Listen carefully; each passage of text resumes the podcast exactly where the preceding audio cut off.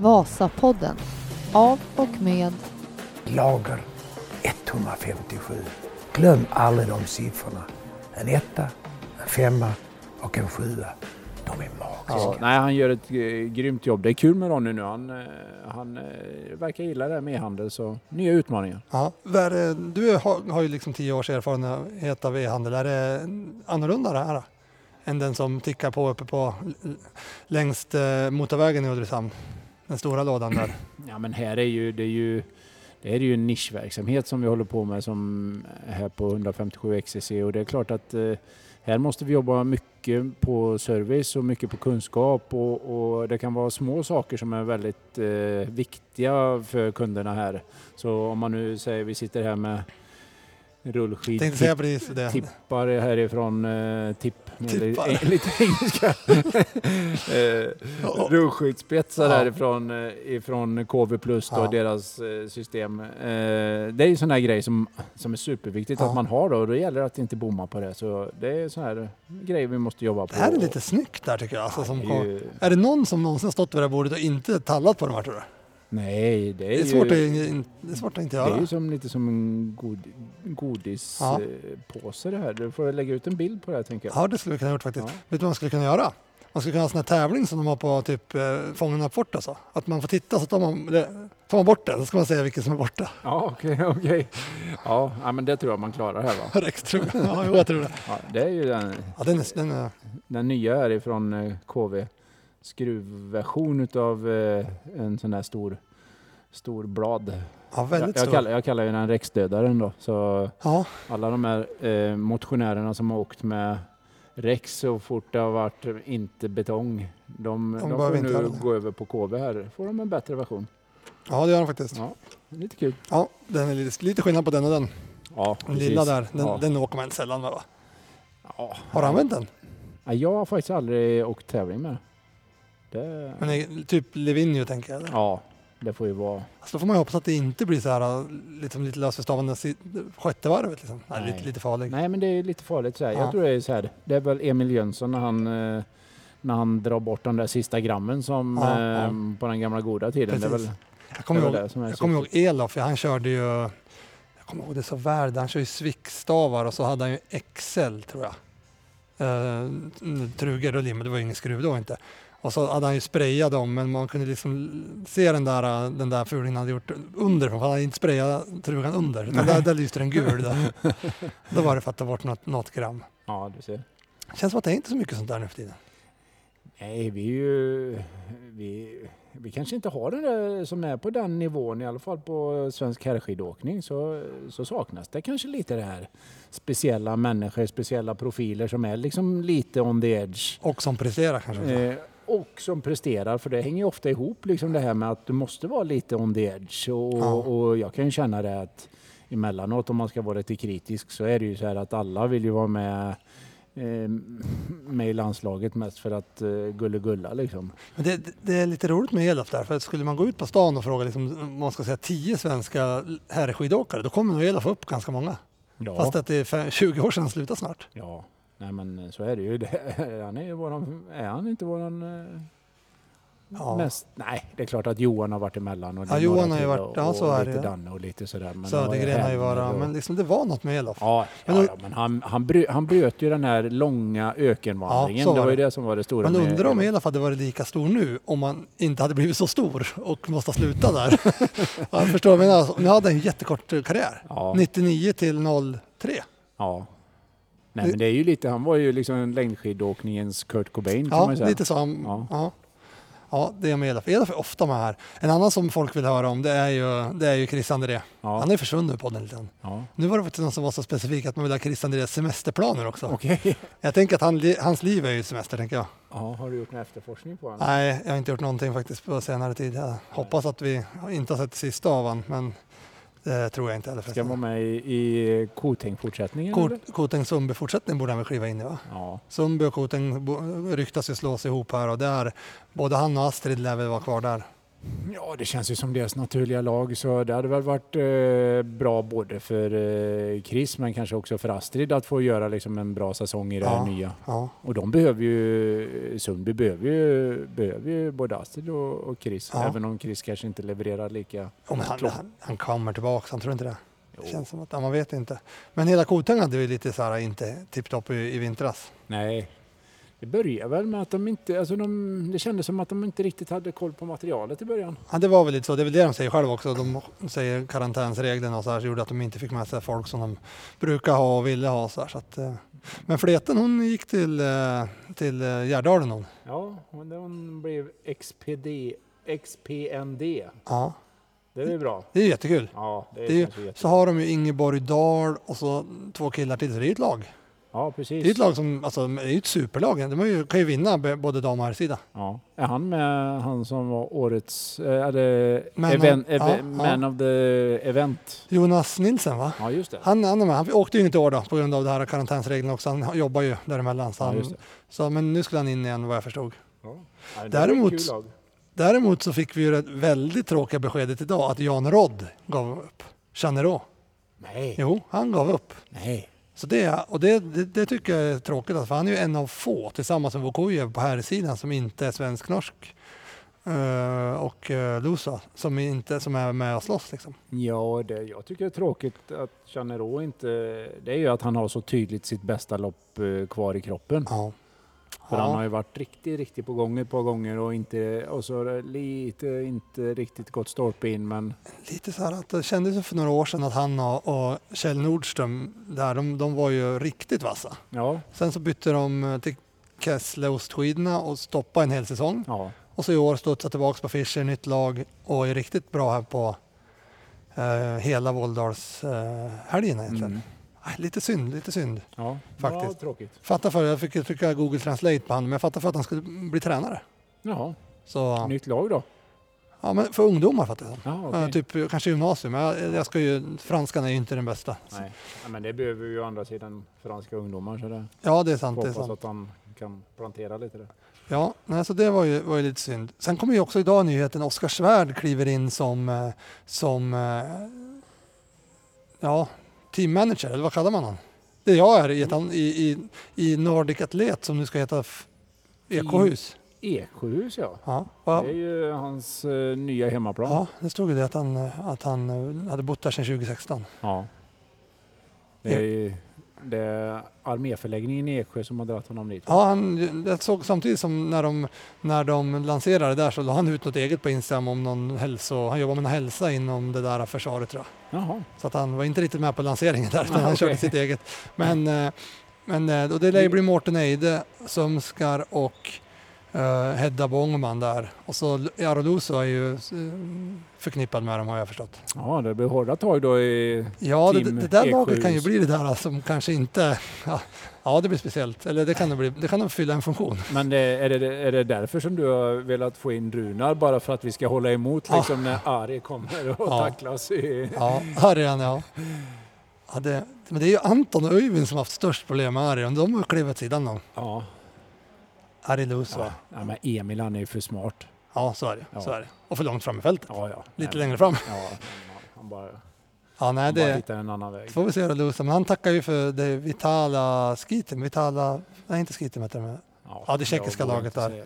Det tackade han ju förra veckan. Så det ska ni nog se att det kommer en, en Nordic Atlet eh, på han snart. Som inte är som är Team Ekohus nu då. Och Ja. svenska registrerat. Ja, precis. Så det betyder att det blir vi, det blir Ramudden, det blir Kurira som för övrigt har släppt eh, Höllgard och eh, Gabriel Thorn. Ja, Um, missar jag något svenskt lag nu? Och så Ekohus. Blir det fyra då? mm, ja. Ja, ja, ja, eh, vi har ju Jerry också. ja precis. Vi har ju... Nu har jag glömt bort vad de heter. Enkon. Enkon, ja precis. Det blir fem svenska lag. Ja, Det är bra. Det är bra. Det, är- det, kan man ana lite grann att det är en SVT, eh, SVT-effekt här eller? Ja, kanske. Liksom att, eh, att, eh, att helt plötsligt så känns det som att den här, det känns som att lite fler eh, sponsorer vågar kliva in. Det är lite mer eh, positivt fram. Ja. Man tror lite grann på att mediatäckningen ska bli bättre. Ja men det kanske är så. Det kanske är helt rätt och, och kli- så är det nog lite annat man, man säljer in det och det tycker jag vi märker också att redan innan vi ens har börjat på SVT så har vi, har vi, har vi nytta av det. Ja. Och eh, de gör väl jobbet själva också? Ja, SVT. det är stor skillnad. Det är jätte, jättestor skillnad att, att se att de, de gör jobbet här nu. Ja. Men jag hörde ju nu att världscupen kommer ju gå lite grann på SVT. Men annars så kommer det bli väldigt spretigt helt och hållet för att Viasat på något sätt har ju köpt eh, världscupen och Discovery och OS. Ja. Så det blir ju mycket aktörer på en liten sport för tillfället alltså. Ja. ja men det, det får nog bli lite sådär kanalbyte på de som ska följa eh, skidorna här nu kanske under året. Men sen vi spekulerar lite grann i ett annat sammanhang just om vad som händer på hela mediabiten där och, och det är ju ett streamingkrig som pågår Ja, med ja. allt ifrån Netflix till HBO till eh, Amazon och andra som eh, och Discovery och alla de här. Ja. Men- Så, Men man ser ju nu också på, eh, på girot som pågår för fullt. Eh, och eh, där är det Global Cycle Network som styr och ställer. ja, Jag har inte riktigt förstått, men de äger hela rättigheten eller? Ja, alltså, jag, kan, jag kan ju inte bakgrunden till det där men det, jag tycker att det kändes som att de startade som en Youtube-företeelse och så sen så har de så har de blivit eh, kanalen eh, för så att säga streaming på nätet för Ja. egentligen för hela cykel, eh, cykelsporten. precis. Så de har ju tagit liksom och samlat ihop alla rättigheter och använder Youtube som sin huvudsakliga kanal liksom, och, och sen så sin, sin app då liksom. Det kändes inte som att det var länge sedan det var två, två tre stycken som cyklade runt med en GoPro och gjorde lite coola tester här. Det har gått så vansinnigt fort men jag tror liksom att de har hittat en liten nisch där Ja. att eh, de är bra på nätet, de suger upp hela cy- cykelcommunityn på nätet eh, och, så, och så har de fått rättigheterna för det helt enkelt. Ja, och det, ja, jag tycker att det blir lite konstigt när liksom svensk tv, Vacke och Adam som sitter liksom, och- det blir inte konstigt, men de profilerar liksom, gå in här och köp appen och så vidare. Kan ni se från all- allting, vilket man kan göra på Eurosport också. Men det fyller ju en jädra funktion med deras liksom bakom arbete som sen kommer ut i, i våra tv-kanaler också. Ja, Så där borde väl egentligen Ski för Ski Classic har ju en, eh, en sändning som går hela tiden parallellt med det vi ser ute i varje land också. ja. Så där kanske man borde anamma lite grann efter. Playen är ju, är ju viktig men sen är det ju det också att det, det GCN gör eh, det är ju liksom att de är ju otroligt bra på content runt omkring liksom. Alltså Ja. de är ju eh, Hela året runt så gör de ju bra intressanta grejer oavsett om det är tävlingar Ja, ja. eller inte tävlingar. Ja. Och, och, och det tror jag kanske är Det är det som de bygger allting på, att de är riktigt sjukt intresserade Ja. liksom. Så har de ju ofta den här lite, om jag förstår, när jag tittar på dynamiken, att de har en riktigt vass cyklist, ofta när de gör sina tester, och så har de en liksom vanlig, vanlig cyklist. Ja, den, eh, den, eh, Det är en klassiker, den det. klassiker Ja. som de kör. Jag satt och tittade häromkvällen, då var de och testade några, några och det är, liksom, det är skönt, för då skulle de testa några etapper på girot och cykla hela gjorde de. Så kom de med på, alltså var det stängd väg för för mycket snö. De Ja. hade inte researchat upp det liksom. De bara, okej, ja, ja, får åka hem istället då. Ja, jag såg något ställe där de, där de kom och så hade det varit skred var det också. Ja, precis. Nej, men det känns så här. Och när, jag, när jag hittade dem, det är något år sedan, det är inte jättemånga år sedan, då, då skulle de testa pavé-avsnitten på Paris-Roubaix med eh, cykelcross, eh, landsvägscykel och mountainbike, vilket gick fortast. Och det var lite häftigt för att för båda, då är det ju liksom nästan proffs är väl den ena som de säger och så den andra är ju medelmotionär. Ja, Och, och bägge åkte fortast på, mon- helden på mountainbike. Det säger Ja. lite om den där uh, Paris-Roubaix. Pa- hur svårt det är Ja, ja. precis. Ja, nej men det är ju det är sjukt svårt. Jag, jag såg en annan test där de gjorde det och eh, de skulle ta sig igenom och jag tror att de när de körde genom Arenberg så tror jag de hade tre punkteringar på första. Ja, ja, och det är ju precis. bara så här, ja men det var ju otur. Nej det var det inte för det är bara skillnaden på alltså, en amatör och, och ett proffs som cyklar. precis, alltså, det är precis. otroligt svårt alltså. Men det är ju det här som någon måste ta, kanske vi som ska ta över det här sen, men tänk dig liksom när, man, när vi kan tes, eh, testa Marsan, Marsanbacken med fäste och liksom jämföra fäste och stak, bara hur fort det går från botten till toppen och så där. Det är Ja, jätteintressanta precis. grejer. Ja och sen vi kan testa med så här Ja. extra small disk. Eh, småldisk eller kanske eh, sån här räckstödare. Det är då det visar sig att den är bäst. Så det, det, det är mountainbiken det. ja precis, det är räckstödare. Ja. Ja, nej. Följer du girot? Ja, men inte så mycket som jag vill. Men jag kollar ju på, jag kollar ju på alltid på sammandragen och så eh, Och när jag hinner då så ser jag liksom lite mer på etapperna. Ja, Så eh, det var, du, vi snackade ju om det lite grann igår där, men du låg ju lite lågt med... Du avslöjar ju inte helt hur bra Bernal var. nej han var bra. Han Han var bra. han Men var hela. Ineos är ju bra. Alltså, liksom, ja, Så just det här äh, när de är så dominanta på cykeln på något sätt. Alltså, alltså det, när de, han är starkast uppför men laget är ju bäst på grusväg utför också. Ja. Alltså, det är tekniskt överlägsenhet mot de andra lagen. ja. Och, men är det inte det, liksom, man ser ju det eh, på van der Poel och, och van Aert och så vidare. Men sen så kommer det ju fram också att, eh, att även Bernal är ju liksom han är ju gammal mountainbikecyklist och, och, och ja, men uppenbarligen så har det gett någonting det där. Trea på junior-VM. Ja, du ser. Det är ju liksom någonsin någonsin varit det. Mm. Såg du förresten eh, hur det gick på i Novemesto? Ja, Den det var sista ju, nu. ja, Pitcat eh, vann där ganska överlägset va? Ja, jag tror det var den, den största segermarginalen i, i mountainbikens världscup Ja. någonting tror jag. Men Någonsin. cyklingen, alltså, nu hamnar vi här, men det är ju häftigt cyklingen nu liksom när vi, när vi har de här uh, Pitcott, vi har uh, van der Poel som är bäst i världen på allt. Näst, alltså de är ju Ja. världselit i allt.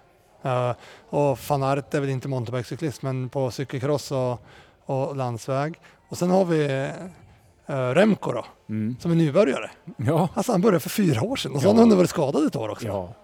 Man, man undrar ju. Nej, man fattar inte. Och det var väl det kanske igår då som visas, det kanske, men att eh, då är, då är det tuffare att cykla grusväg.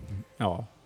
Och då har du, sen har du inte, apropå det, du har inte nämnt eh, backhopparen eller? Nej, precis. Men det började ju där för några år sedan med Ja. Roglic, men han har ju inte hållit på tio år nu. Ja. ja, ja. Det är liksom det, det här är Remco, det är något, för han har hållit på i fyra år och han har ju varit bra i tre. ja. Det är ju, Direkt från fotbollen in i cykeln. helt galet. Helt galet. kanske, du kanske får så att säga börja titta på fotboll eller på andra sporter när Ja. vi ska värva. Det, jag har ju hört, eh, det är nya grejer på gång. Ja, precis. Hört. Det, ja, det har du verkligen hört. Ja, vi, vi släppte ju vårt ungdomslag i år. Eller släppte vi inte alls. Vi släppte att vi ska starta ett ungdomslag i år. Eh, så det var ju väldigt Det var kul. Ja, det, det ska bli kul det här. Och, och tanken med det här har ju vuxit. Vi har ju pratat om det i, ja, hur många har vi haft? år? Teamet i sju år så har vi pratat om det här i fem i alla fall. Ja, så är det ju. Uh. Men nu känns det som att nu har vi, har vi har vi liksom sista månaderna känt att det här är, är rätt väg att gå. Vi har väl känt också när vi har varit ute och, och letat lite grann att vi kanske måste liksom öppna långloppsdörren lite mer för folk. För det finns ingen som satsar på den mer än de här, ja, vi sa ju de här fem klassiklagen och det är ju väldigt begränsat antal som åker i dem. Mm. Uh, och så sen vart det väl för kanske en månad sedan när vi märker att vi kommer gå utan rosa både kille och tjej i första läget med, med, med, med teamet att det, då får vi väl se till så att vi måste börja göra den där uh, rosa marknaden mer attraktiv då även för teamen så att säga så det finns någon att plocka in. Ja. Så då gör vi så att vi startar upp ett lag och vi har väl i grund sagt att vi vill första året få in fyra, eh, två killar, två tjejer. Eh, som vi ska supporta lite grann på, mot långlopp då. Och i grund och, och botten så kommer det vara, vara tre läger Uh, och uh, sen får vi se, vi vet inte men eh, jag tänker mig ju Sverigecupen i långlopp och sen framåt våren får vi se om någon, någon är redo att kanske till och med testa Ski någon, någon, någon helg där. Men det får vi se lite längre hur det kommer och tanken med det här på sikt är att vi kanske kan ha en ha folk som kliver in i, i A-laget sen och det är väl det vi får, får hoppas. Och vi har märkt i år också lite grann att med Karo där att det kanske är lite tufft att liksom kliva in som 19-20-åring och köra eh, både köra Ski Classic-upplägget eh, på hela år så att säga. ja. Men eh, blir det här lite grann utav motsvarigheten till regionlagen i, i Norge då? Att det gör det jobbet tror du? Eller? Ja, men vi får väl se lite. Det är fyra pers eh, som vi, vi tänker hjälpa. Det är ju inte liksom jättemycket, men jag ser ju i framtiden att vi ska lotsa in två, tre, fyra varje år. Och så ha, ha några årskullar då, så vi kanske kan ha sex, åtta stycken i det där gänget. Då. Ja. Eh, och så sen att vi kan pl- plocka upp men tänk om man ska kunna sätta ett mål. Vi får ju se vi har ju inte börjat med den. Alltså, vi får ju se vad, vad, vad, vart vi når. Och så, men tänk att liksom kunna plocka en per, års, eller per årsgrupp in i A-laget när de är klara med det där. Det vore lite kul. Mm. Det är bra. Det är ju lite så lite fotbollstänk, alltså att man har sin egen akademi och Ja. lite sådär. Men det var... eh, När, eh, hur länge ska den här sökprocessen vara? jag tänker att vi och måste- när, jag när lansera Jag tänker vi ska lansera ganska snart. Så jag tänker, jag låter helgen gå, sen så är vi klar. Ja, Så vill ni söka alla ni, och alla kan söka. Det, ska, för det finns ju inga riktiga kriterier eller vem vi ska ha. Utan det är inte bara, alltså jag tänker att vi får ju liksom söka igenom och jag tänker att kanske Um, att det ska ju funka också. Liksom. Det ska vara bra, det ska funka för den andra personen. För det här är ju inte en hel satsning som vi har sagt med, med vanliga team utan här är min tanke att man ska kunna åka Sverigecuper och man ska kunna åka så här för att utföra. Jag tror att man, man 19-20 år då ska man, ska, det är som de här cykelcrosskillarna, det är bra att vara lite överallt liksom. Så att eh, det ska ju funka för, för de andra också det, och det, vi ska försöka få det så bra som möjligt. För... Vad, vad, är den viktigaste egenskapen då, liksom, eh, om man nu ska orka med och vara lite överallt? Det och, viktigaste som jag ser det är att man vill åka långlopp, att någonstans att man ser långlopp redan som i den här gruppen då, som en, en framtida och kanske till och med huvudsyssla redan nu. Då. Men sen inte sagt att man ska åka bara långlopp, men det är väl det som att långlopp attraherar och det är det man vill och det är det man har förutsättningar. Det, det, det tror jag är grund och botten i det hela. Sen en, en sak som jag tycker är, lite både spännande och kul så är det ju det här liksom att ibland så har vi ju blivit sedda lite grann som, eh, som någonting som bara ställer till problem i skidvärlden ifrån långloppssidan. Men det jag tycker är kul det är ju liksom det här med satsningen att vi faktiskt eh, hittar nya sätt och, ge unga åkare möjligheter mm. och att det inte behöver vara liksom en svart eller vitt satsning när man är ung utan att man faktiskt kan göra, eh, ja, göra lite både och. Ja men så är det. det så är det. Ja, det ska bli jättekul faktiskt. Eller blir det problem tror du? Det kan nog vara de som tycker att det här är dumt att vi gör det här också. Ja, ja, det, det, tror jag. det tror jag. så är det väl alltid. Ja, ja nej, men så är det alltid. Men vi får se då. Men det känns väldigt inspirerande och man ska inte äh, namna några så, men det är ju intressanta ansökningar som kommer in. Så att det kommer in, och jag känner ju liksom direkt, jag pratar med några på telefon som ringer och vill ivrigt folk där och det är ju kul, det gillar man ju. Men man känner ju redan då att fasiken, det, är, det är många som vill på något sätt. Liksom. Ja. Men eh, det, väl, eh, det var ju också väldigt positiv eh, feedback på social media på det här va? Ja, det, det får man verkligen säga. Det, det togs emot väldigt bra. Det, det är också roligt att man ser att det, att det, att det tas emot på det sättet som vi hade tänkt också. Något sätt. Och jag ser det någonstans som att det, när vi började med det här så var det kanske inte att, eller det är kanske inte första läget att liksom vi ska liksom få, få in åkare i A-laget utan det här är mer en breddgrej. Det som jag säger, det kanske de åker i andra lag om tio år. Det må det vara så, men får vi in dem i långloppen så, så är det någonting vunnet i det hela. Ja, det är det viktigaste. Ja, så är det faktiskt. Så vi får se lite. Men som sagt var, söndag, nu, nu är det torsdag 20, så vad blir det då? 25, 3? 24, 25. Ja, någonstans där. Sen är det inte. Då, då kommer vi, så kommer vi sätta oss i nästa vecka och gå igenom och sen kommer man, får vi väl presentera hela upplägget för de här som, som blir antagen då, så får vi se. För jag tänker ju att eh, det första, första lägret är i juni. Ja, kul! Så ja, det ska bli kul att se vad, vad, vad vi kan få till där. Ja. Så, Elin Molin ska ju vara ansvarig för det. Ja, det känns ju skitbra. Ja, det gör det faktiskt. Så. Hon har ju mycket kvar att ge till längdsporten. Ja, det, det kommer hon få göra här. Så ja. det blir, det blir kul. Vasapodden. De är magiska. Men du Master, jag tänkte vi ska, vi ska beta av här för det var ju många så här som, vi satt ju där uppe, nu pekar jag här i, men uppe på hyllan, på, hyllan på XCC för, innan Vasan. Och då pratade vi om din Vasa, kommer du ihåg det? Ja. 50-50 och det var ju den sista chansen och sådär. Ja. ja. Och nu var det några som liksom ville liksom ha din bild, för jag, jag tycker vi har förmedlat men troligen har vi inte gjort det tillräckligt så här konkret och kanske inte i podd för att det har jag sagt tidigare också. För mig så är det, jag, liksom alla, vi är överallt och man, alla med oss överallt. Men det man märker på podden, det är att där har vi folk som bara följer oss på podden. Ja, just det. Och där, de har ju missat din, din liksom, de, vet, de har säkert kollat upp att du inte kommer 50, topp 50. Men då är det många så här, liksom, hur låter analysen, vad ska Master göra nu och så där. Hur, hur, eh, vad, vad, vad, har han för, för status? Och, så brukar jag skämta om topp 60-60 där. Men, men vad, eh, om vi tar Vasan med, vad blir det, tre månaders? Ja, Nej men eh, nummer ett var ju att Vasan var ju, det var ju en besvikelse för min del eh, rent resultatmässigt och sådär. Eh, samtidigt så tyckte jag att jag gjorde allt jag hade den dagen. Eh, jag hade bra skidor, jag, allting var liksom eh, Allting var på plats men det gick bara alldeles för långsamt. Ja. Och, och, då får man naturligtvis söka i, i varför var det så? För jag tyckte att jag var för långsam både i förhållande till säga, sådana som jag brukar kunna åka jämnt med eller bättre än och, och jämfört med mina egna förväntningar så och jag vet eh, fortfarande inte riktigt vad, vad det var för någonting men, eh, men jag hade en liten dipp eh, två veckor innan med, med tre, tre så att säga halvsjukdagar. Det tror, jag, det tror jag vi sa här när vi satt där också va? Att, eh, ja, vi pratade lite om det, ja, att det fanns. jag minns inte det. Men den där dippen jag vet inte om det var den som, eh, som satte ner mig. Eh, och det, ja, det lär jag väl aldrig få svaret på, men det gick eh, hyfsat trögt från början. Eh, jag tyckte jag gjorde egentligen allt rätt, men det gick bara liksom 7% för långsamt rätt igenom. Så, så det var, ja, men det var en så här det var, lite, det var lite tråkigt på sätt och vis eh, för att det fanns inget att skylla på.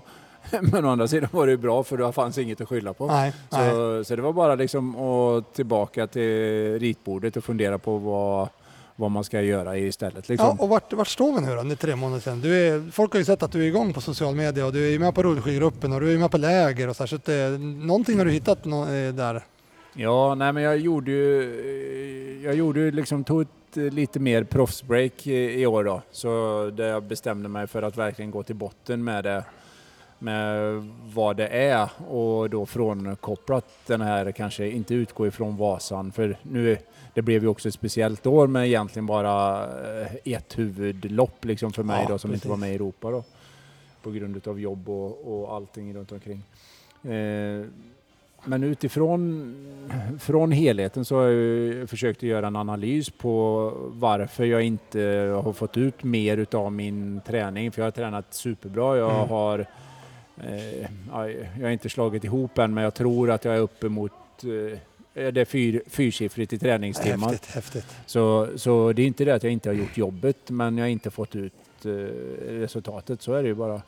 Eh, och jag, någonstans så en faktor i det så kanske det är att jag tränar lite för hårt och, och eh, en kombo utav eh, lite för mycket volym men också faktiskt lite för mycket hårt. Så tidigare har det varit så att jag kanske har haft bara för mycket av volym och för mycket gubb, Ja, gubbfart men nu tycker jag ändå att jag har gjort jobbet på, liksom, på, på det korta också. Men eh, återhämtningen lite för, för dålig. Tror- Eh, Tror du att liksom när det blir det här året som det blir, att du inte får tävla någonting, att du inte får varningsklockan då eller?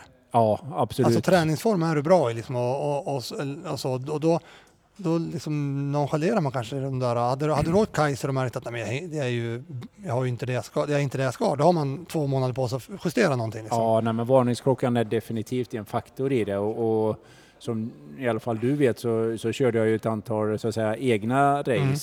Men, men det är ju det där, de, de där sista sju procenten Mm. som du inte får och den där absoluta chocken. Ja, när så- du kör själv så... Ja, Ja, alltså har du en lite sämre dag, då, då haggar man ner sig 7 procent som säger och då kan det kännas bekvämt och bra. Och Ja. det, det, nivån på Vasa nu, det är ju att det räcker ju inte. Nej, För det är ju inte mer än någon procent så är du tvåsiffrigt och nu är du inte på hundratalet ens. nej. nej, men så är det ju. Sen är det ju Mm. fascinerande om vi liksom tar det ur perspektiv också att man tittar på hur många som åker på Vasan. Ja, Det är fascinerande. ja nej, men så är det ju.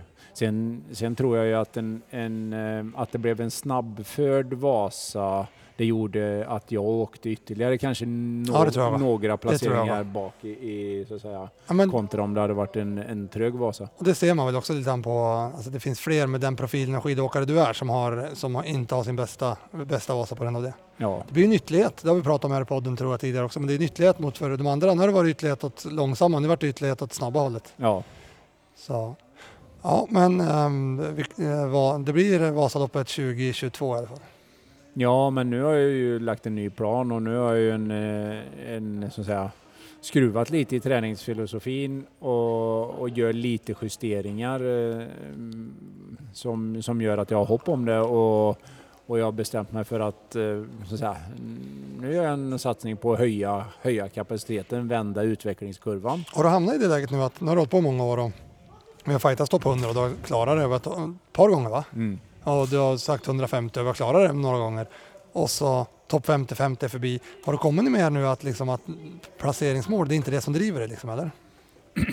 Nej, alltså just nu så är jag lite i processmål och i, i, i att hitta rätt utveckling som det mest intressanta. För det är det som jag, det är det som jag verkligen ska få på plats. Det har varit liksom en grundförutsättning, tänker jag. Ja, men nu vill jag vända på utvecklingen. Ja. Och då måste jag hitta någonting nytt där och eh, kan man säga att eh, huvudmålet så är det att göra kroppen yngre Mm. eh, och att göra liksom eh, rörelsemönstret eh, mer explosivt och, och se till så att jag har en, en förmåga, en kapacitet att röra mig fortare helt enkelt. Ja. Och sen därefter då, jag tror ju att jag ganska länge kan åka på grundkapacitet i, i, rent uthållighetsmässigt. Jag är inte så rädd för den utan för min del så tror jag det handlar om att kunna röra mig snabbare och, och ja, vara bättre helt enkelt i rörelsemönster och teknik. Ja, spännande, spännande. Du, det är, det är lite folkigt där en vardag klockan tre.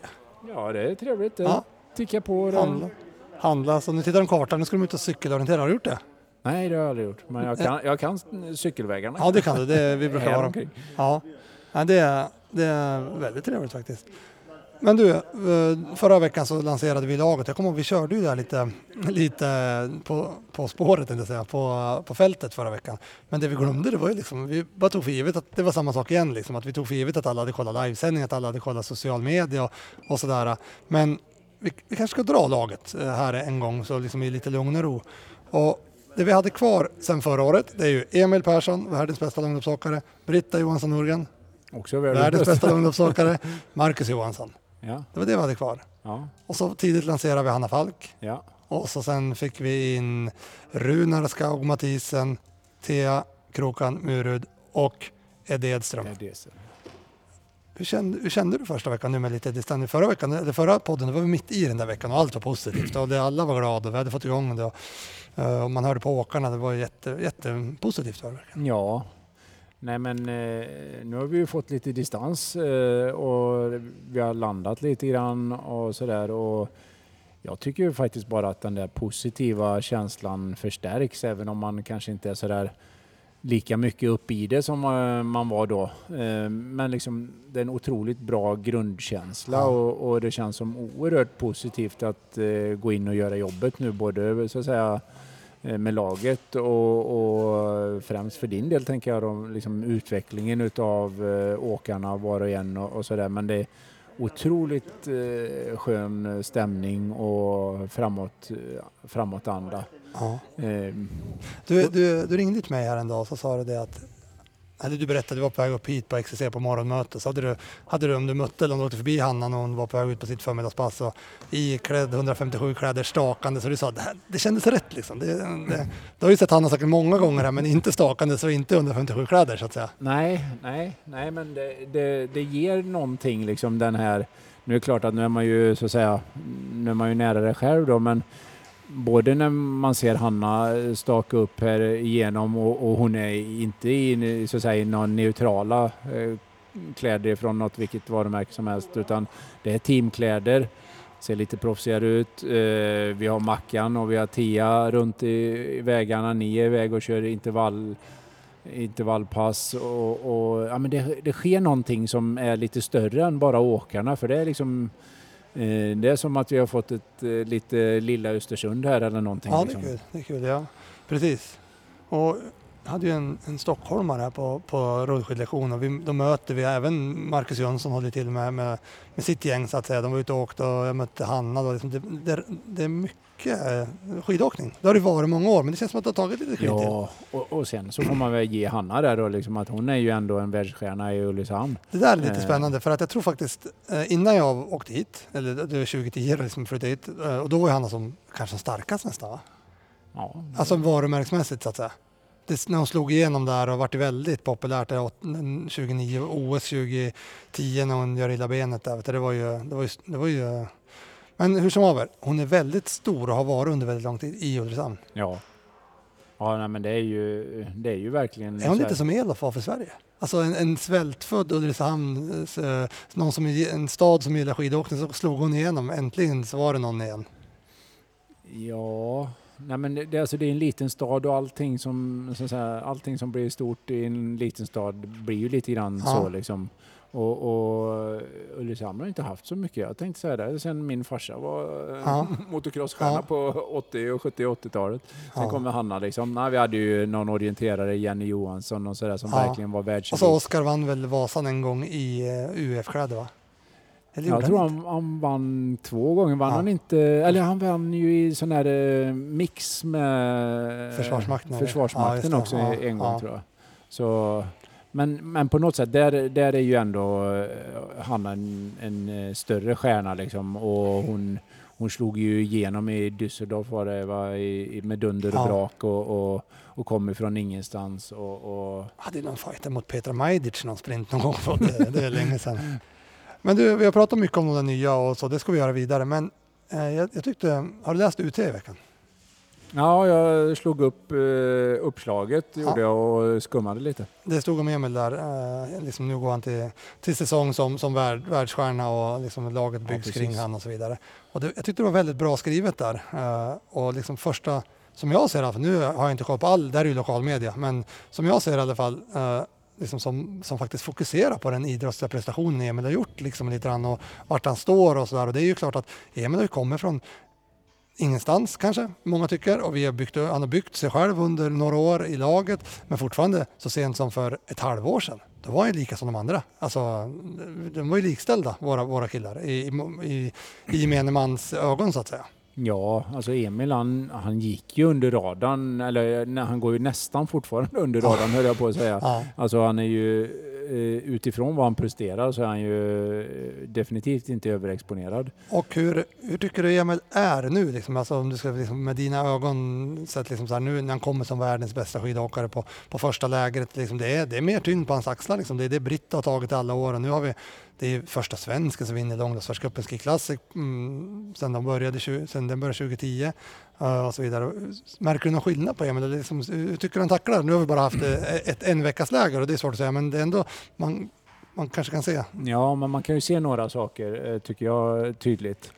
Eh, det ena är ju att eh, Emil har ju mognat. Eh, han, och inte på så sätt att han inte var mogen innan, men nu är det liksom, nu är han senior tydligt på ett bara alltigenom positivt sätt. Eh, han har ett lugn och jag tycker att det som imponerar på mig kanske allra mest är ju kombinationen utav att han är av, känns väldigt avslappnad i det och ödmjuk. Alltså han tar det på allvar men spänner sig inte i frågan. Och så tycker jag han han är ödmjuk och jag gillar ju det här. Eh, nu vet jag inte hur, hur genomtänkt han var i det men eh, eftersom Emil är en klok kille så, så var det väl genomtänkt. Just det liksom att eh, nu hade han inte de gula glasögonen på sig. Ja. Utan att han, det är precis som att han kommer tillbaka och så, nu var förra säsongen när den var över. Han avslutade i gult. Och så kommer han tillbaka och så ska han börja göra jobbet. Då tar han på sig de svarta Ja, glasögonen igen. Precis. Och det tycker jag liksom, då, då känner man det liksom, ja men här är ett proffs. Ja, precis. precis. Så Ja. väldigt, väldigt skön känsla på, på, på Emil, givet den utmaningen som han ändå har då liksom att att vara Sveriges eh, bästa herrskidåkare. Ja, ja det, det är han ju absolut. Och, och det, Och världens Ja, bästa ja. långloppsåkare. alltså, man ska ju inte jämföra så, men om man liksom, vart sätter du in han? Vi har Kläbo, vi har Bolsjunov. Vi har han skataren från Norge som heter, som vann VM-guld där. Holund. Hålund, ja. Eh, ja. Men är man där uppe och tassar som Ski Classic-mästare tycker du? Ja, alltså det är lika svårt att göra det. Eh, absolut lika svårt att göra det. Och jag menar Emil, han är ju mm, in, han är precis lika bra på att staka långt som Holund är bra på att skata långt. Ja. Eh, och eh, han är ju utav de som åker långt så är han ju den som är absolut närmast eh, Kläbo i en spurt. ja. Alltså det är ju, det behöver man ju inte så säga argumentera vidare för, för det har alla sett. Eh, så han är absolut där. Utmaningen är ju det, är ju det här med liksom att, att vi ser på långloppen eh, kanske inte på samma sätt som vi ser på, på världscupen, eh, den traditionella världscupen. Så jag tror att det är en utmaning men, men jag tror att alla som, som kommer ifrån eh, skulle komma ifrån den traditionella världscupen och utmana Emil, de skulle ha en enorm Men- respekt för, eh, för att han är på samma nivå. Ja, och jag har ju blivit så störd åt andra hållet. Alltså, man är ju så inne i sin klassiker, så när jag ser på världscup så ser jag att de här håller inte måttet, många av dem så att säga. Många av dem håller inte närheten av måttet som en 20 plats på en Ski Classic-tävling till exempel. Nej, det är ju... Jag tycker det är en ihåligare konkurrens på, på den sidan. Det, det du ser det är ju att det norska laget, det är ju genomgående Mm, väldigt mm, eh, mm. hög nivå. Alltså där är alla eh, väldigt genomtränade och bra. Men i övrigt så är det ju betydligt mer ihåligt i, i världscupen. Du, Alla våra åkare är ju bra tränade. tror vi kommer få se någon gång liksom Kommer, kommer vi, tror du, bli in i oss så här, och släppa iväg någon och åka lite världscup i mountainbike som de gör och, och sådär? Eller är det, är det för långt ifrån varandra i, i Alltså vi stakar bara, då kan vi, vi blir inte bra på att skata. Alltså cykla, det är liksom cykla. Och det, för er som inte är helt inne i cyklingen så har det blivit så nu att, att eh, alltså de här bästa, om man får säga, van der Poel och van Aert och Pitcott och några av de bästa, de är alltså, vissa av dem är ju på tre grenar. Alltså de är på cykelcross, de är på mountainbike, de är på, på landsväg och är världselit allihopa. Ja. Lite men- så får vi se, men är liksom, det är ju, får vi se Kläbo komma och åka Vasan samma år som han försöker vinna VM på, på sprint? Mm, kanske inte just den kanske är en utmaning eftersom det oftast går också samtidigt. Så, Ja. Men jag tror ju däremot om eh, att, eh, att vi kan vara och flörta eh, i Bruks till exempel. Det är ju ja. lite ja, är motsvarande. Ja, exakt, exakt. Sen är det ju naturligtvis så att, eh, att vi eh, vi måste ju råda bot på det här liksom med att man inte får åka det snabbaste liksom. ja, för det, är det- sant. det är det- sant. Det här med teknikzoner och så, det, det är ju lite, det är ju lite förstörande tycker i alla fall jag har Ja. sett ur ett, eh, ur ett rent tävlingsperspektiv. Så det ställer ju till det lite. Det är lite tråkigt.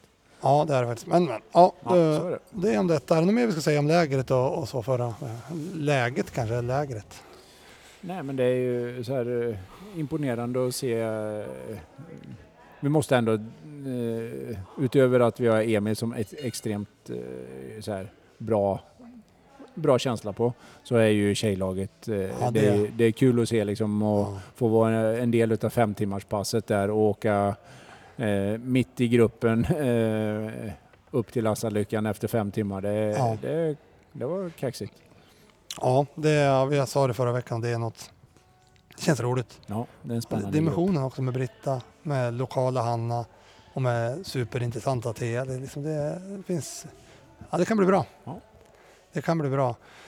Du, eh, om man tittar på, på liksom den Ski Classic-hållet nu då, så, så tissas det och tassas och du sitter ju i styrelsen innan styrelsen eller hur vi brukar kalla det. Ja, precis. Ehm, och eh, det man kan, det man kan, det ska det släppas sista maj här tror jag. Det har ju skjutits lite på det av olika anledningar. Från 15 till sista. Och jag tror att det är även tv som styr där. Så, alltså de har ändrat och vridit lite. Ehm, om du skulle få bestämma då?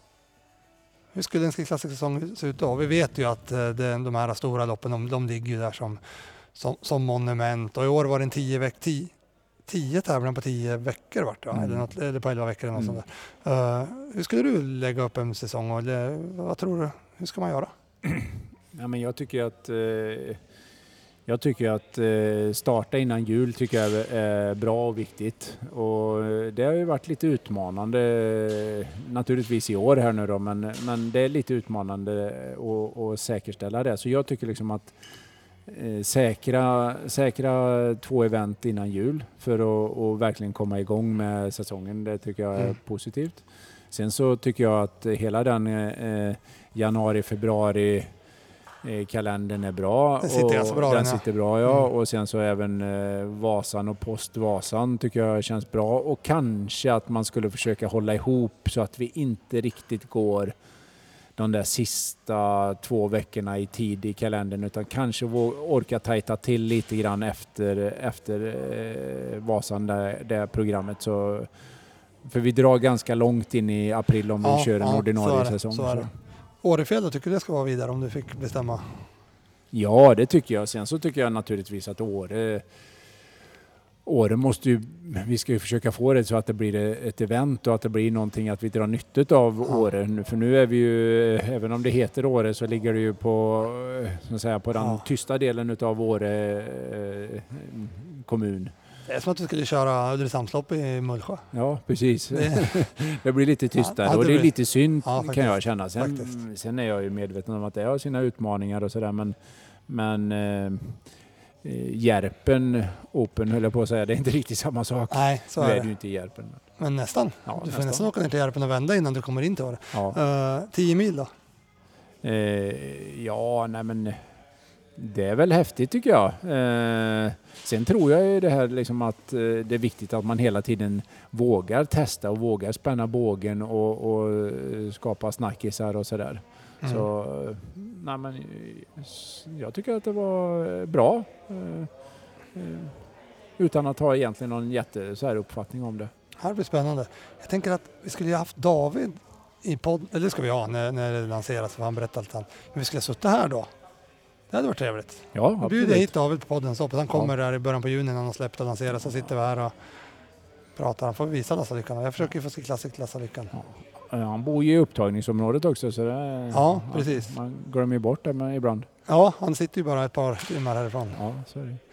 Ja, du, eh, vidare i, i, i året och nu ska vi nästa, nästa gång vi träffar laget så är det i Orsa Grönklitt och det är veckan innan, innan midsommar. Hur, hur, eh, om man tittar på det i, i, i stort med träning och så, för det är många som frågar, vi återigen igår så var det ju, eller igår när jag frågade om, om, vad man vill göra så är det ju mycket träning och, och så och det, det ska vi studsa tillbaks på lite grann och, och ta hela, hela nischade program under våren och försommaren tänkte jag med lite Mm. rullskidor och teknik och styrka och kost och allt vad folk vill höra.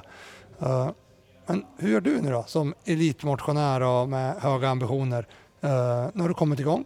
Du sa att du tog en proffs, proffsvila i år, alltså tog det lugnt i april kan man säga. Mm. Eh, och nu har du kommit igång.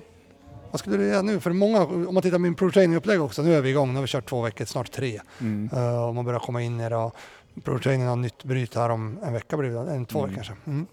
Och eh, där någonstans så, maj är ju starta upp kontinuerlig träning och juni, ja men då det kallar jag lite, liksom lite bas och lite, lite mer liksom så här, kanske trycka upp det lite grann och liksom skruva lite på det men fortfarande bygga bara. Hur tänker du? Nej, men jag tänker väl kanske, eh, naturligtvis har du ju rätt i det. Det är ju det klassiska.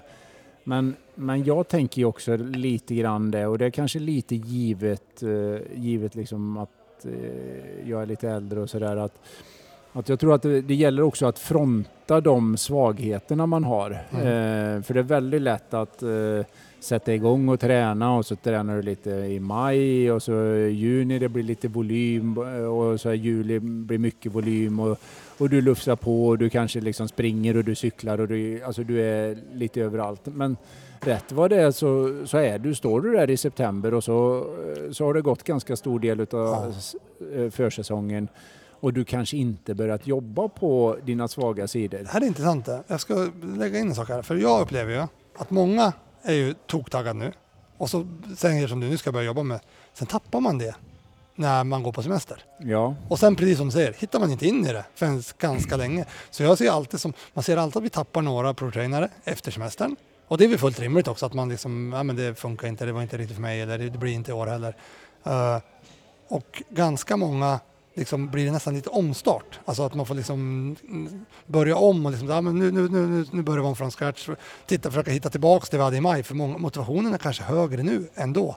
Uh, och sådär också. Och så, precis som du säger att man kanske Ja, helt plötsligt har vi inte börjat jobba. Alltså, vi har tappat momentum i det hela. Liksom. Mm. Nej, men, och, och det, det, jag, det jag tänker på det, det är liksom där att det är en skillnad i att om vi nu säger som så här att eh, man ska jobba på syreupptag eller så där, så det är inte säkert att man ska börja köra korta intervaller och, och, och stressa den biten.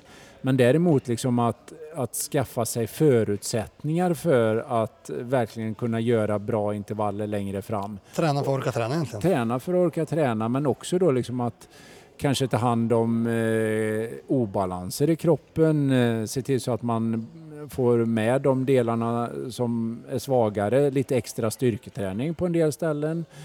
Kanske börja med att göra en screening på sin egen rörlighet, var har man sina begränsningar och liksom att göra det och att, att parallellt med den där basträningen också eh, eh, bygga in det som ger, så att säga, lägger förutsättningarna för att vara Exakt. bra på intervallerna senare då. Exakt, exakt.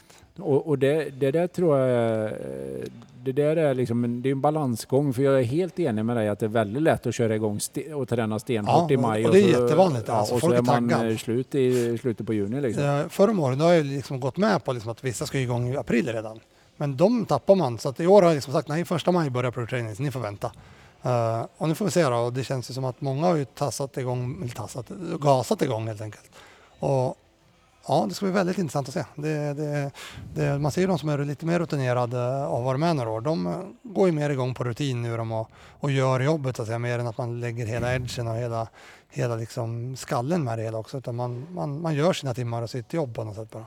Ja, och det är ju någonting som, om man nu säger, jag tror att jag har gjort alla de misstagen Mm. och att man faktiskt, det är ju bra om man inte behöver eh, göra tio år eh, med den här Ja. lite överfebriga motionärsstarten liksom, för det, det bränner ju åren i onödan. jag kommer liksom. ihåg när du, eh, när du gör en dålig Vasa och du står vid ishallen och väntar in ett eh, hu- hungrigt gäng en vecka efter Vasan för långpass på rullskidor. Ja, ja. Det är inte ens nära i år det.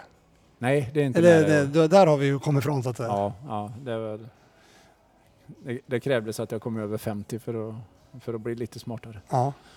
Ja, nu slår jag igång Instagram här. Då står det oljan förstärker Valla-teamet inför OS. Okej. Ja, det har man hi- hittat fokus eller ja, det, man, man, man förstärker på olika sätt. Jag så är tänkte det. säga det. Vad, vad, det är utmanande, men är det blå extra som man hoppas på eller? Ja, jag vet faktiskt inte. Ja, det blir säkert jättebra. Det är, en, Han det är långt ifrån vårt ungdomslag om man säger så. Ja. Så vi tänker olika där. Är han kvar i, ja, i branschen? Thomas Oljan Eriksson är nytt tillskott i det svenska serviceteamet inför kommande OS-vinter. Oljan, som själv är legendarisk världsmästare på 30 km Holmenkollen, det var då han var rockkung, eh, 1982, endast 22 år gammal. Oljan nappade på när vi utlyste annonsen om tjänsten. Han har jobbat i sportbutik de senaste åren och vill in i hetluften igen, säger Myllback. Ja. Så det var så det var. då. Spännande. Ja, det blir väl bra. Det blir säkert bra. Vi kommer in på det. Jo, jag skulle kolla på Instagram om vi hade fått någon mer fråga som var lite intressant. Eh, det kan får vi ta framöver. Eller fråga vad mer. Vad, vad tycker du podden ska handla om här i vår? Alltså sommar. Eh, vår är slutet. Sommar. Nej men det, det, det jag tycker är spännande så är det ju dels det här som du är inne på här nu då med, med träningen. Hur ska, hur ska man hitta vägen eh, in i, i rätt träningsprogram och rätt träningsupplägg på olika nivåer. Mm. Eh, det tycker jag är intressant. Eh, sen så är det ju så att vi, vi håller på med en materialsport och, Ja. och att eh, kunna bygga lite kunskap i, i, i material eh, sammanhang hade Ja, varit ja. roligt. Så kanske en, en eh, materialskola, kanske är det våran eh, skid och materialansvarig som kan ha ett lite stående Ja, inslag. ja, det är intressant. Eh, och sen så kanske vi kan eh, fortsätta prata om de olika eventen. Ja, Eh, så när kalendern eh, lanseras då tänker jag lite grann att vi kanske skulle kunna duka upp ett smörgåsbord utav lite olika event för, för de som vill åka sådär åka ett eller två event i Europa utav de ja. ambitiösa motionärerna. är Marsan är ju naturligtvis självklar, ja. kanske inte behöver så mycket presentation men men det hade, hade varit kul att, att, att få med liksom Ja, det är bra. fler svenskar. Det är bra, det är bra, helt klart. Helt klart. Och, och på tal om det så, en sak som jag tycker vi ska göra, det är ju eh, för liksom man hör att det är lite, lite så här oense, lite så här okunskap, lite funderingar. Det är ju rullskidsmotstånd på hjulen. Ja, det är ju bra. Ja, Det är ju det är någonting som man faktiskt eh, både utifrån att man ska träna i grupp eh, kan optimera eh, så att man eh, verkligen får ut det mesta. För det är lätt att, liksom, att man lägger sig lite safeare och lägger Ja, sig på ja. ett lite för lätt hjul. ja, Eller tvärtom då att man får döda sig. Så att, att, att hitta de tipsen och tricksen som, eh, som du och ni och vi i teamet har, ja. det tycker jag är roligt. Ska vi snart få skicka ut våra timmerskidor då? Ja, precis. Sitter och väntar, titta bak. Här, de kommer ju här eh, landa om någon vecka och sen ska de ut till ja, många Ja. hungriga rullskidåkare. Det har jag också en kille jag pratar med som bor i Stockholm. Som säger att han aldrig sett så mycket rullskidåkare i Stockholm någonsin. Och det har vi redan nu. Liksom. Annars brukar det, liksom, det är en sån som brukar, ja det är ju augusti, september, oktober, då brukar det börja hända. Ja. Men det är hur mycket folk som helst. Alltså, och, och, dygnet runt, när som helst ser man rullskidåkare i Stockholm. Ja. Eh, ja men det, det tycker jag är jättekul. Här. Eh, jag hade en grej på eh, hjulen Ja, där också ja. som jag bara vill få med. Och det är ju att höra dig prata lite grann om varför man ska byta hjul utifrån ett tekniskt Ja, utbyte. och det är Så det kan du få Ja, det ska vi- eh, ja, sätta det- på och komma ihåg. och jag tycker det där är lurigt. Alltså jag, jag kan ju liksom, jag kommer ju, sätter du mig och pratar tio minuter om det så kommer jag ju prata mot mig själv för att man, det finns ju liksom så mycket plus och minus. För det finns inte en skola som är rätt på något sätt. Nej. Utan det, det finns ju mycket som talar för att till exempel Mackan ska åka tvåor. Ja. Och det finns också mycket som talar för att vissa motionärer, inte ens elitmotionärer, ska åka fyror. Mm. Så Nej, men det- vi kan ju nörda Ja, det lite ska i det göra. och så bända i det. Eh, tycker jag är spännande. Sen Ja. apropå det här med mycket rullskidor så eh, de här, det finns ju, vi köpte ju ganska många, många rullskidor på Kan man säga. eh, 157 XCC. Men ser du högarna Ja. minskar du? Ja, jag sa det till Ronny när jag kom hit att är det han som köper allting? Men det, det är lite häftigt. Och eh, man ser ju det är inte bara eh, det klassiska utan det är ju även Skate skaten. Ja. eh, Så det, det är kul med rullskidor. Ja, det är det. det, är det. Så, Nej, det Ja, det känns ju som jag. att vi liksom, nu har vi kickat igång en ny säsong. Alltså, och jag hade ju någon så här, vi brukar ju köra podden varannan vecka. Eh, förr om åren. ja. Det kommer inte gå för att det är för mycket att göra. ja. Vi måste göra varje, annars, annars kommer vi liksom tappa momentum. Ja, nej men det är ju... Det är, jag brukar säga det att all, eh, man, man jobbar på tre, på tre olika nivåer. Dag, vecka, månad. Det är de eh, frekvenserna som vi jobbar på. Dag, kväll och natt. tror jag jag ska säga. Ja, Så- för egen del så är det nog... eh, Ja, men så är det ju. Så är det. Nej, men du, då, då tror jag vi tackar, tackar för idag. Så, så är vi tillbaka nästa vecka. får vi se vad vi ska göra då. Men det, det, kommer, nog, det kommer nog bli något bra. Är det något sista du vill säga? Nej, men det är ju spännande att se vem som är inne i affären. Det är alltid mycket folk. Ja. Patrik har fullt och det var nästan, så är det någon bra. Ja, Ja, det här blir bra. Det är kul. Du, vad köper folk? Det är det här lite intressant. Alltså, ni, har ju väl, ni som inte har kollat, kolla XCC. För nu, det, här är ju, det här är ju något nytt där, lag 157. Lag 157, hela historien får ni gå tillbaka ett år i tiden ganska precis. Så får ni höra vad det går ut på. Men det, det är ju mycket egen, egen, allt är ju eget egentligen. Alltså, ni, ni producerar allting själva. så. Utav textilen Ja, precis. Och det vi gör nu, det är ju, eller det som är här, det är att här finns det ju till exempel skottcykelkläder, jag ser craftbyxor och jag ser craftskor och jag ser lite allt möjligt och massa längder och, så- och där. Men det som säljer, det är du till mig, det är hårdvara och lagrande 57-kläder. Ja, det, det är faktiskt så. eh, Och Trodde du inte det när du drog igång det här eller? Jag sa ju det tidigt ja. Ja, du har ju varit solklar i det. Ja. Ehm, nej, men det, det jag tycker är roligt så är det ju att se, eh, naturligtvis så gillar vi ju att vi säljer våra egna grejer och våra, eh, våra åkare är ju bra eh, promotörer för det där och, och sådär. Men ehm, det som är kul tycker jag det är ju liksom att se mixen utav det och att Ja. det faktiskt är fler som eh, ska ut i naturen. Sen om det är på rullskidor eller om det är löpning eller om det är att cykla och, och så, så hårdvara är ju faktiskt också lite upp. Ja, Så det är ju de två grejerna. ja det är riktigt roligt. Ja. Själv måste jag köpa nya däck till cykeln. Ja. De är utslitna. Ja. Och bromsbelägg igen. Igen? Ja, tredje gången på ett halvår. Ja. Är dåligt. Du bromsar för mycket Ja, jag gör det, jag gör det. du, hade inte, du hade blivit avställd utför på Ja, det hade jag Strade blivit. Ja, ja, det hade jag blivit. Jag Ja. hade blivit avställd. det är ju där jag hade i, kunnat ta dig. i, start, eh, I starten när de, när de kör med bilen före i 40 genom stan, där hade jag fått släppt för att det är för mycket kurvor och så. Ja. Ja, men du, vi tackar för den här gången och så ses vi om en vecka. Tack och bock. Vasapodden. Av och med Lager 157. Glöm aldrig de siffrorna. En etta, en femma och en sjua. De är magiska.